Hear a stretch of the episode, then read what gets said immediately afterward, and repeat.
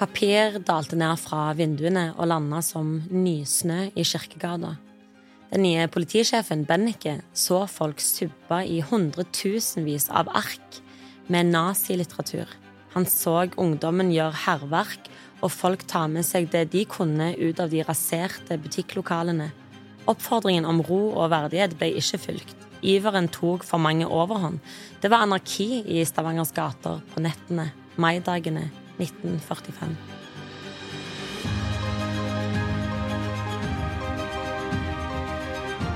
I 2025 feirer vi 900-årsjubileet til Stavanger by, domkirke og bispedømme. I denne podkasten får du historier fra Stavanger i 900 år.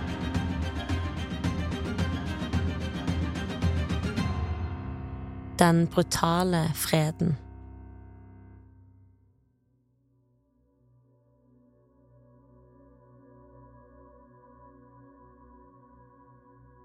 Rundt middagstider 7. mai 1945 tikker det inn et telegram til kriminalsjef Christian Benneke. Det er fra Oslo. Sjefen for hjemmefrontens politiorganisasjon, Sven Arntzen, spør direkte. Kan du ta ansvaret for politiet i Rogaland? Christian svarer ja. Og kanskje han visste det, kanskje allerede ettermiddagen 7. mai 1945, at dette kom til å bli tøft. Selv om det gikk mot en betingelsesløs tysk kapitulasjon, og han nå kunne se sin en måned gammel datter vokse opp i et fritt Norge, kan det ikke ha vært en betingelsesløs glede i han. Tankene har nok gått til han som nettopp var blitt bestefar. Christian visste at faren hans kom til å bli arrestert for landssvik. Pappa Håkon Bennike var medlem i NS og hadde jobba som byrettsdommer og sorenskriver. Nå venta straffen.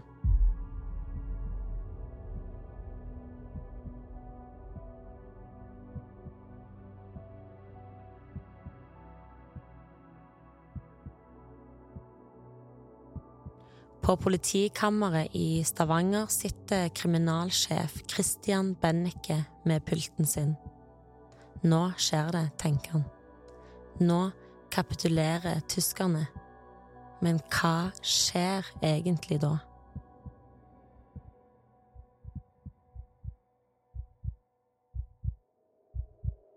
Fra første dag av den tyske okkupasjonen samarbeidet norsk politi tett med okkupanten for å opprettholde lov og orden og minske konflikter mellom befolkningen og okkupasjonsstyrkene.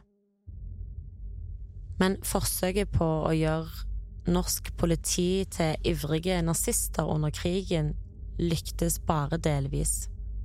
Det var Christian Bennicke et eksempel på. Som politifullmektig i Egersund noen år tidligere hadde han nekta ordre om å arrestere lærerne. Det kunne koste han karrieren og livet. Christian Benneke hadde gjennom sin jobb på politikammeret vært en god støttespiller for det lokale Milorg. Han hadde blant annet forsynt Milorg med originale stempler som de kunne bruke til falske legitimasjonskort og grensebevis. Han var jo sjef for kriminalpolitiet i Stavanger, Christian Benneke. Odd Galtung Eskeland han skulle være den øverste sjefen for Rogaland, mens, mens eh, Olav Ramdal skulle være i Stavanger. da. Atle Skarsten i Militærhistorisk forening i Rogaland forklarer. Problemet er at eh, de er tatt til fange. De sitter på Møllergata 19 nede på Grini. Og det fascinerende er at de blir da kalt ned og, og, og får papirer, armbind, instrukser, alt mulig på, i Oslo. Og så blir de sendt med en taxi, en drosje, hele kyststrekningen rundt til Stavanger. Men før Eskeland da ankommer, så blir da Benneke utnevnt eh, som, som, en midlertidig eh, politisjef for hele Rogaland. Noe av det første han gjør, det er at han sender alle NS-medlemmene sender han hjem. Eh, og dermed så blir jo styrken desimert. Og Milorg har ennå ikke fått kommet seg inn til byen og begynt å ta del i, i vakthold og vern ennå. Mange av de Gestapo hadde jakta lenge, trådde fortsatt varsomt. Men i Gestapo-huset i Eiganesveien 17 hadde SS stormsjarfører Arnold Hølscher og de andre i Gestapo nok med å komme seg unna sjøl. Ja, 6. mai, da begynner jo uh, tyskerne å ane hva som skjer. Da, uh, de skjønner jo at, at uh, Det tredje riket holder på å bryte sammen. Hitler har skutt seg noen dager tidligere, og etter hvert så, så, forstår de at nå går det bare én vei. Og da begynner nok panikken å spre seg, og de skjønner at her er det, her er det Nå gjelder det å dekke seg sjøl, og gjerne fjerne mest mulig bevis. Så, så, dagen etterpå, da brenner de. Eh, det, da får de beskjed av den nye sjefen, etter at Wilkins ble drept opp på Lucy, så får de beskjed at eh, de skal brenne alle papirer, dokumenter, filer, mapper. For de hadde jo et enormt uh, kartotek over alle de som de hadde tatt fange, forhørt, alle forhørene. Eh, så dette blir brent. De brenner ute, og de brenner i trappeoppgangen. sånn at fangene som sitter nede, de begynte å lure på om det at hele bygget skulle brennes ned, for det lukta røyk over hele, hele lokalet. Ifølge boka Operasjon Doomsday forsøkte de som jobba i Gestapo å bytte uniform og blande seg inn i andre avdelinger. De får, får beskjed, de får utdelt marineuniformer på sikkerhetspolitiet på, på, på Eiganesveien. De får utdelt marineuniformer, og vi har faktisk bilder et par av de torturistene i marineuniform. Eh, og så de, går de ned på forskjellige båter, tyske båter, og så blir de med inn, inn eh, det er vel inn i Ryfylke, der de skal plasseres, i dekke av å være marinegaster. Men etter hvert så er det jo faktisk eh, De blir angitt av egne folk. Det er ikke mange som har så mye respekt for, for Gestapo eller tyske sikkerhetspolitiet. Eh, så Derfor så blir de etter hvert angitt, de aller, aller fleste av disse.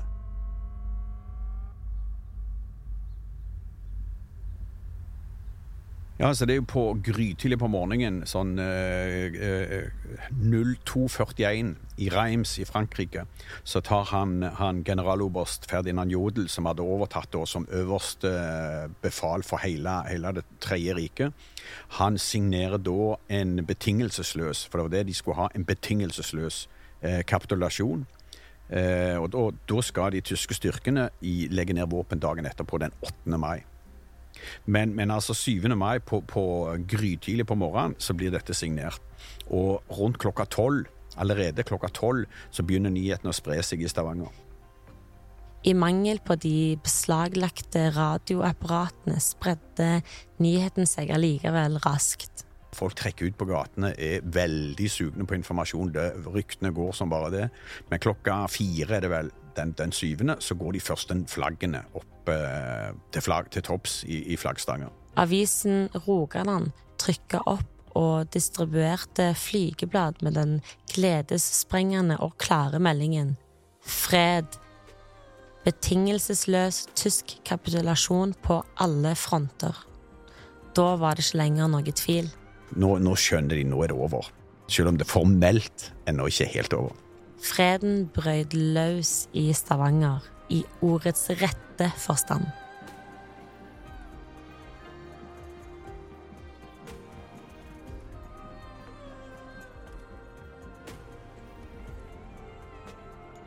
Klokka halv syv foretok Christian Bennike den symbolske handlingen om å beordre det norske flagget heist i flaggstanger på politikammeret. Men han kan ikke ha stått lenge for å bevitne det etterlengta flagget.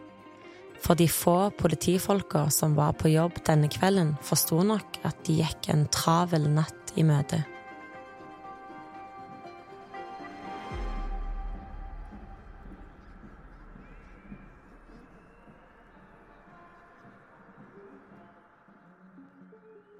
Allerede natten før var ekstremt krevende for politi og nødetater i Stavanger.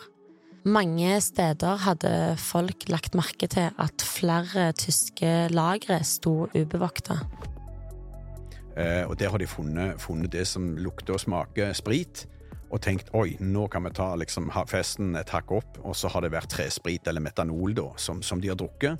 Og halv åtte på kvelden 6. mai fikk politiet melding om et metanoldrama som holdt på å utvikle seg i Sølvberggata 7. Og Utover kvelden så er det flere og flere som blir meldt inn, eh, som politiet må ut og hente, og transportert opp til sykehuset med magesmerter, problemer med synet, og til slutt så melder sykehuset tilbake at i hvert fall to av de eh, som de har brakt opp, er døde av metanolforgiftning. Og dette foregikk i privathjem, på pensjonater, og til og med på en båt var det en, en person, ei som de henta. I tillegg til at nordmenn brøt seg inn i tyske lagre etter flere år med rasjonering, gikk folk løs på tunge nazisymboler i sentrum av Stavanger. Ja, det er jo, det er jo, eh, er jo en del eh, hva skal man si, forhatte elementer eh, i Stavanger. Det er det her som ble kalt rett utfor, rett utfor Posthus eller Kongsgård. Der sto det sånne søyler, sånn nyhetssøyler med informasjon. Propaganda for NS og tyskerne. Lygesøyler ble jo kalt. Og den, eh, den blir bare kveltra og rasert og knust. Og det er jo ingen som reagerer, det er jo ikke noe politi som bryr seg om det.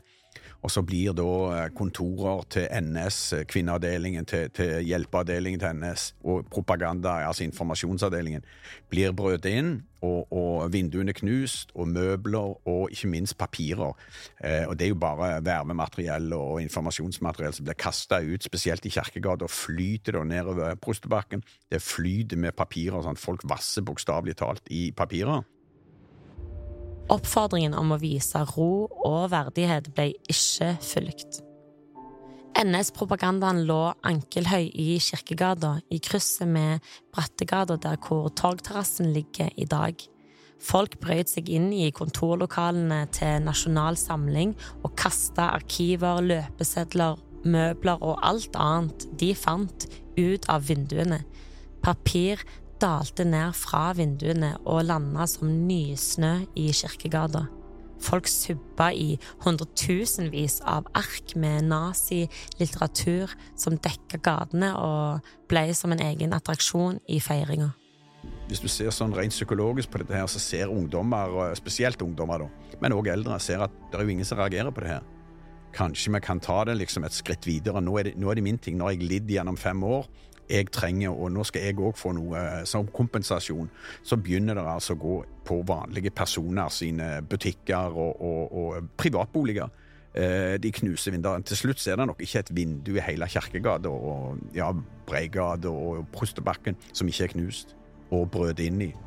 Der, der unge og eldre forsyner seg uhemma. Som vi ser fra, fra liksom filmer i USA når det er protester og de bryter seg inn og folk marsjerer ut med TV og alt mulig. Det, det var nesten tilsvarende i Stavanger.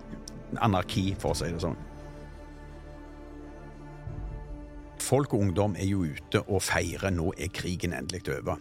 Og da blir det at du kommer, trekker sammen i grupper eh, og går rundt. Og jeg, jeg tror òg det, det, det, er akkurat det her med at de ikke Det er ingen respons. Eh, politiet er litt i villrede, og, bare for å si det òg, politiet hadde jo ingen respekt hos folk lenger. Altså, det, var jo, det ble, alt politi ble sett på som tysk politi. Eh, selv om ordenspolitiet bare prøvde å gjøre jobben sin. Så, så i, i, starten der, den syvende spesielt, så, så har de null respekt eh, hos folk. Så folk bryr seg ikke. Og Det ser du i politiloggen. og bare for å nevne den politiloggen, Når du ser den, så står det altså hvert femte minutt cirka, så skjer det nye ting, dramatiske ting. Det er skuddvekslinger, det er slåssing. Og det blir, I, i Kjerkegata så blir det noe sånn flokkmentalitet, gjengmentalitet, der de, der de, de ser at de, de, kan gjøre hva de vil. Og det, er jo, det, er jo, tragisk at de bryter seg inn og knuser og herjer i, i, på advokatkontoret til, til Endresen, eh, all den tid han pga. sin motstand mot tyskerne faktisk da satt i en, en tysk fangeleir. Han hadde akkurat blitt frigitt fra, av russerne, men han var altså sonte straff i en, en, en tysk eh, krigs, altså en eh, konsentrasjonsleir. Og så bryter de seg inn eh, hos han. Eh, og Det viser igjen at, det, at eh, de, bare, de tok for seg det som var Og de bryter seg inn, de stjeler penger. Det er to, to eh, Allerede den syvende så er det to guttunger på, på eh, hvor gamle er de? 14-15 år, som ble tatt av politiet med, med, det som i dag tilsvarer nesten 200 000 kroner i lommene. Eh, det er innbrudd, det er knusing. Og det er ikke NS, det er ikke NS-folk, det, det, er ikke nazister som har drevet disse butikkene. Det er alle. Ingen ble skåna for den, den, den, ja, den flokkmentaliteten, galskapen som rådde der. og Det er langt utover nattene. Jenter som var mistenkt for å ha gått med tyske soldater, ble skamklippa. En ser jo utover kvelden den syvende, så er det flere NS-medlemmer, eh, i hovedsak kvinner, da, som ringer politiet og sier at nå står det folk på utsida og hyler og skriker og bryter seg inn, knuser vinduer, skal inn og ha radio, eh, for NS-medlemmen hadde jo lov til å ha radio. Eh, du ser flere og flere som blir overfalt av slåsskamper rundt omkring. Så, så nå begynner nå, nå begynner å rette, i hvert fall noen begynner å rette denne, eh, ja, kall det gleden, da, i, i, å gå utover de som hadde vært på fiendens side. Og etter hvert så eskalerer dette her, sånn at utover eh, den åttende og niende så får du flere og flere sånne klippinger av jenter som hadde gått med tyskerne altså helt forsvarsløse unge jenter, blir da eh, omringet av en mobb med sakser, og så blir de snauklipt av, av, eh, av, disse eh, tøffe guttene. Det er et fenomen som er nesten i alle kriger, at eh, det blir sett dette seksuelle landssviket. Journalist og forfatter Sven Egil Omdal. Det var ingenting straffbart i dette. Det var ikke straffbart etter norsk lov, eller selvfølgelig ikke til tysk lov. Sånn at disse kvinnene hadde ikke gjort noe som ville medføre at de ville bli stilt for retten eh, i, i, i rettsoppgjøret. Men likevel så ble de sett på som en veldig sånn foraktfullt svik at de hadde innlatt seg med tyske soldater. Så det skjedde det samme i Stavanger som skjedde ikke bare i hele Norge, eller byer over hele Norge, men det skjedde òg over hele Europa, at eh, kvinner som hadde vært med tyskere, ble grepet, og så ble de offentlig skamklipt. Og det går jo ut, liksom ut fra den tanken om at kvinnens skjønnhet ligger i håret, og ved å ta fra henne håret, så tar en fra henne attraksjonen. Så en gjør henne til et mindre attraktivt vesen. Og vi vet jo ikke nøye hvem det var alle som klipte, men, men, det er jo grunn til å tro at det ikke nødvendigvis var de store heltene fra motstandskampen som, som da i maidagen griper fatt i unge kvinner og, og holder de fast, mens andre da klipper de håret. Men det skjedde òg midt i sentrum i Stavanger. Men folk må jo ha hatt med seg sakser til byen. Så på en måte må det jo ha vært planlagt. Men jeg har aldri hørt at, liksom, at det var bestemt at folk samla seg og sa nå skal vi finne henne.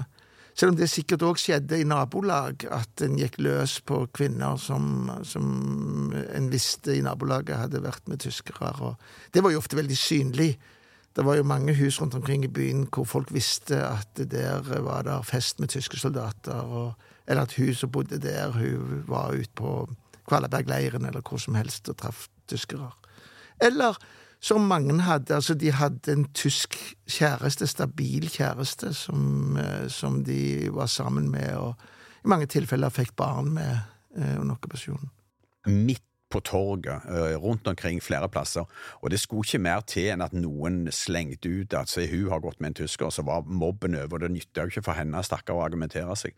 Så jeg vil tro at det var nok òg en del uskyldige som på grunn av at noen hadde gjerne en, en, en, en uh, uoppgjort med vedkommende, så, så, lot de det gå utover de stakkars jentene, og håret ble klippet opp. Grenseboerbevisene deres ble hengt opp som, som uh, at de hadde gjort noe ulovlig, og de hadde ikke gjort noe ulovlig. Det var nok mange som tenkte at nå skal de pinne, nå skal i hvert fall jeg gjøre min visa, innsats. Og nå har jeg snakket med et par som opplevde dette her, eh, så så på som, som eh, små ja, tenåringer da, som sto og så på dette her, veldig skremt og så på dette her. Så, så, og du ser eh, du, Det er skremmende bilder av disse stakkars jentene som står, og du ser uh, unggutter som står og kikker med store øyne på dette galskapen som foregår. Så, så det er jo en, det er jo en, det er en lynsjmobb, for å si det sånn. Det var nettopp dette regjeringen ville hindre, men følelsene var sterke og trangen etter hevn var flammende.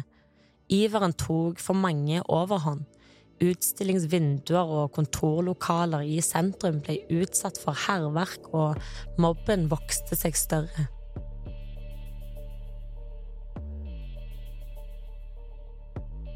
Etter hvert som man oppdaga at det tyske grepet om byen slapp, oppsto det et maktvakuum. Det merka byens befolkning raskt. Og det var noe fungerende politimester Christian Benneke og resten av hans eh, styrke måtte håndtere. Ungdommer som ikke kunne huske hvordan en tilværelse uten strenge tyske soldater og NS-folk var, ante nå mulighet for å slå seg uhemma løs og slå inn et vindu eller to i samme slengen.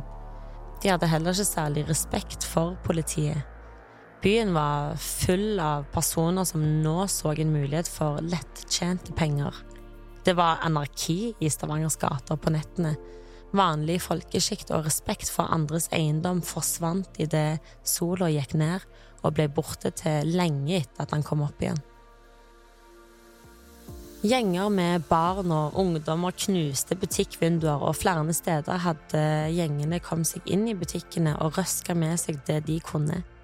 Det var for det meste ungdommer, men politiet arresterte òg vandaler i 40-årene. Noen steder hadde gjengene fått med seg butikkenes pengeskap. I Kirkegata var det spesielt mye aktivitet. Her lå flere pengeskap i gata når politikonstabler rykka ut. Krigsmateriell og våpen havna òg på avveie. Klokka halv ni på kvelden 7. mai måtte politiet ta hånd om en NS-mann som vifta og trua med pistol utenfor Handelens hus. Bare minutter etter suste en tysk lastebil inn i de ukontrollerte gatene i en grassat fart. Det var ungdommer som hadde stjålet den tyske lastebilen.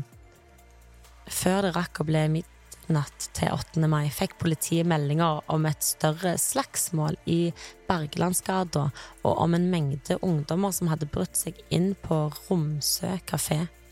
En patrulje ble òg sendt inn til et innbrudd i et tysk lager i Storgata, og en annen måtte rykke ut til en bolig der folk hadde gått til angrep på en NS-mann som hadde søkt dekning i sitt eget hus. Og selv om 7. mai ble til 8. mai, hadde ikke byens ungdommer og løse fugler tenkt å gi Christian Bennecke og resten av de hardtprøvende politibetjentene noe pause. Det var hektisk de luxe. Altså, de var rundt overalt.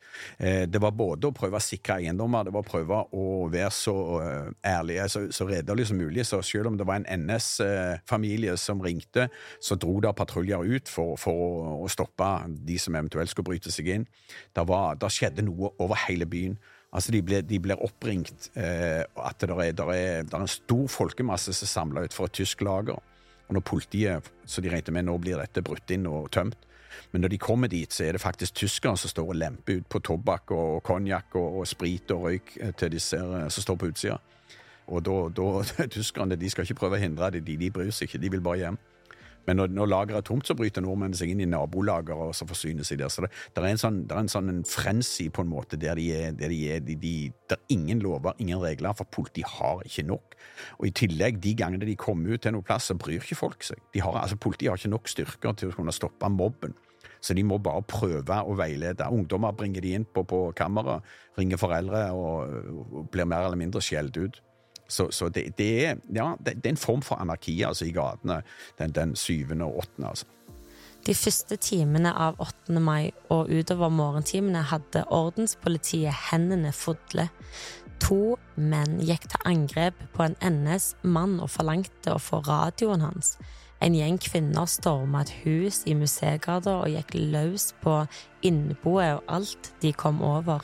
Og ruteknusingen fortsatte i Kirkegata, Langgata, Kongsteinsgata, Prostebakken, Østervåg, Løkkeveien og på Skagenkaien. Politiet fikk eh, kontroll på en gjeng som drev rundt og herja i gatene. Når politiet fikk tak i syv av de, viste det seg at det ikke var bare ungdommer som rekte i gatene. De var fra 18 til 44 år gamle. De fleste var i 30-årene og ble tatt i en butikk hvor de forsynte seg av varene. I halv fire-tida kom en mann med skuddskader inn i politikammerset. Han hadde blitt skutt på bakfra, og kulen hadde gått gjennom skulderen hans. Som mange andre den natten endte han opp på det stadig mer belasta sykehuset. I tillegg til metanolforgiftning måtte òg sykehuset håndtere resultatene av nordmenns herjinger på de tyske lagrene. Flere tusen bokser syklongift var stjålet fra et lager.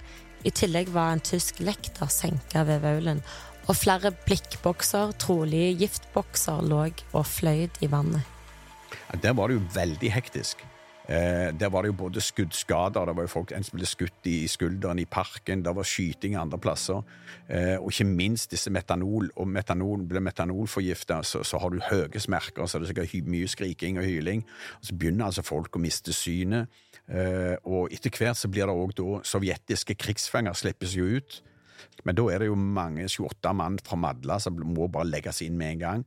Og det er vel én eller to av de som dør eh, som følge av underernæring og dårlig behandling. Og så etter hvert så begynner òg de sovjetiske fangene å få tak i sprit, tresprit, og drikke. Og jeg tror, nå husker jeg ikke sikkert om det er seks eller sju fanger som dør av den trespriten. Og eh, hvis du ser loggene på sykehuset der, så er det hektisk med all mulig slags eh, unger, ungdommer som har knust glass. De har knust vinduene på butikkene i Kjerkegata og skada seg. Eh, når de har sprunget inn og ut, og må på sykehuset. Så, så det har vært hektisk, hektisk på sykehuset, helt garantert. Når morgenen var blitt formiddag 8. mai og feststemte siddiser trakk til byen, ringte vaktmannen med Slakthuset.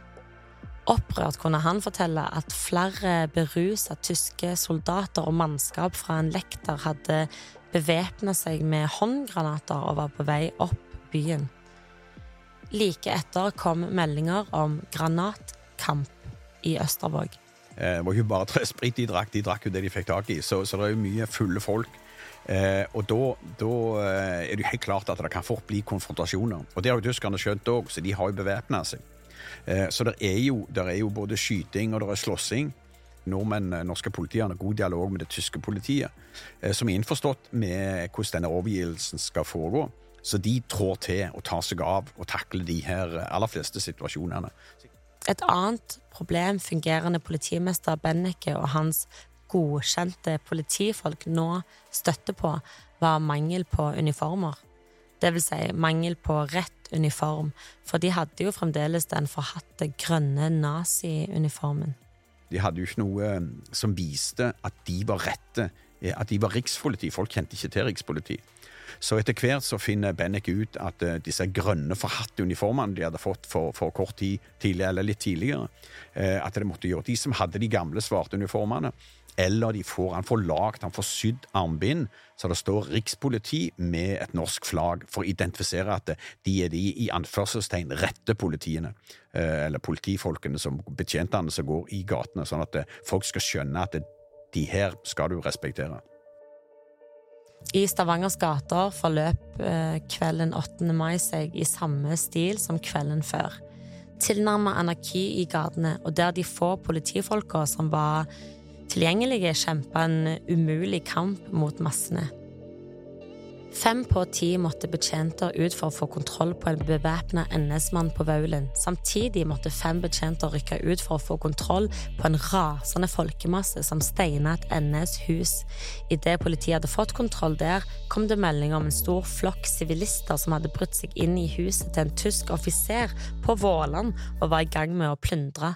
Klokka 22.40 fikk politiet melding om en tysk soldat som gikk og vifta med en håndgranat. Rudeknusingen tyverier og brannstiftelser økte i takt med klokka som nærma seg midnatt. Klokka halv tolv ringte et NS-medlem og sa at fodle, sinte menn trua med pistol for å ta seg inn i huset hans, samtidig som politiet måtte ta hånd om flere folk som gikk inn og ut av butikkene på Skagenkaien. De utslitte politifolka fikk knapt med seg at kalenderen skifta fra 8. til 9. mai. 29 minutter ut i 9. mai 1945 fikk politiet melding om at to personer var skutt utenfor teateret av tyske marinefolk. Et kvarter senere gikk en full tysker og skjøt rundt seg i Kongsgata. Klokka halv to natt til 9. mai fikk politiet melding om en ny skyting. Tyske soldater hadde brutt seg inn i Kampens gate 51, rasert huset og skutt en mann. To betjenter ble sendt. Det var de eneste tilgjengelige. Åtte minutter senere kom meldingen om at to marinegaster og to sivile gikk berserk og skjøt med pistoler og trua med håndgranater. Rett før klokka tre hadde en tysk soldat forsøkt å tvinge med seg ei norsk dame med pistol, siden hun ikke hadde med seg grenseboerbeviset. Ro og verdighet var løpesedler som ble sendt ut allerede den syvende. At nå skal vi holde oss i orden, ikke noe hevn, ikke ta affære. Det kom meldinger både til Milorg og til politiet fra Oslo at nå må dere ikke gå utover det, de mandatene dere har, de reglene vi skal ha, hvordan vi skal følge dette her.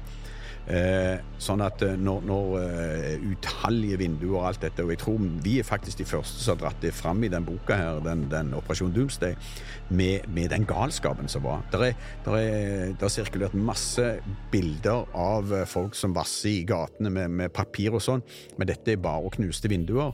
Men, men dette er bare fra NS-kontoret og sånn, blir en fortalt. Men, men det, det, det har vi vist at det stemmer ikke i det hele tatt. Så jeg tror dette, dette var nok en, en, bevisst eh, måte der en uh, Avisene var jo vant med å være kontrollert av tysk sensur, og nå er det nok uh, litt norsk sensur som gjør at for hvis folk ser at de kan bare gå mann av huset og forsyne seg med det de vil, og at det er anarki i gatene, så vil det nok enda blitt, blitt enda verre. Men, men, derfor så tror jeg at en har bedt avisen om å dempe den delen. Og så har avisene hatt så mye annet positivt å skrive om at, at det er ikke noe vits å dra fram den negative sida. Eh, så, så, derfor så er det mer, det er mer av, av, gode, og etter hvert så begynner det å komme liksom personhistorier og den slags i hva folk har opplevd.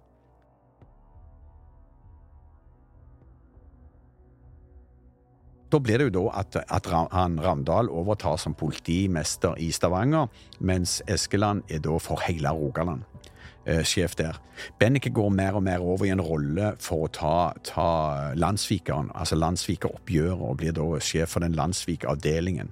Han har jo en tøff tid, han har akkurat fått barn, og i tillegg så har han altså faren som har vært i NS siden 34 eller 35, som da blir arrestert eh, av folk som gjør akkurat det samme som Bennik òg skal gjøre. Så han, han har jo en, en, tøff oppgave der han prøver å jeg tror nok han prøver å legge inn noen gode ord for faren, men han har, han har nok å gjøre. Han jobber døgnet rundt. Det var kvelden den 9. mai 1945 når Halden bada i den myke gløden av kveldslyset. En eldre mann gikk gjennom byens gater. Hans skritt var bestemte og ryggen rak, men ansiktet bar et dypt alvor. Foran inngangen til sorenskriverens bolig sto en mann iført en brun uniform som med kald mine kunngjorde at Håkon Benneke skulle fengsles. Sorenskriveren var overraska, men han fulgte likevel ordrene som ble gitt. Han ble plassert i en buss omringet av bevæpna vakter, og sammen kjørte de gjennom byens gater, plukka opp flere underveis. Nysgjerrige tilskuere samla seg og ropte sjikanerende kommentarer mens bussen passerte. Bussen stoppa ikke før den nådde Ystehede arbeidsleir, der 250 som ble anklaga for landssvik, hadde blitt internert. Håkon Benneke som hele livet hadde vært en lovens mann, hadde nå havna på feil side. Du har hørt podkasten Stavanger i 900 år. Forteller Isabel. Produsent Christian Gilsvik. Les mer om Stavanger sitt 900-årsjubileum på nettsida stavanger2025.no. Podkasten er produsert av Screen Story for Stavanger 2025.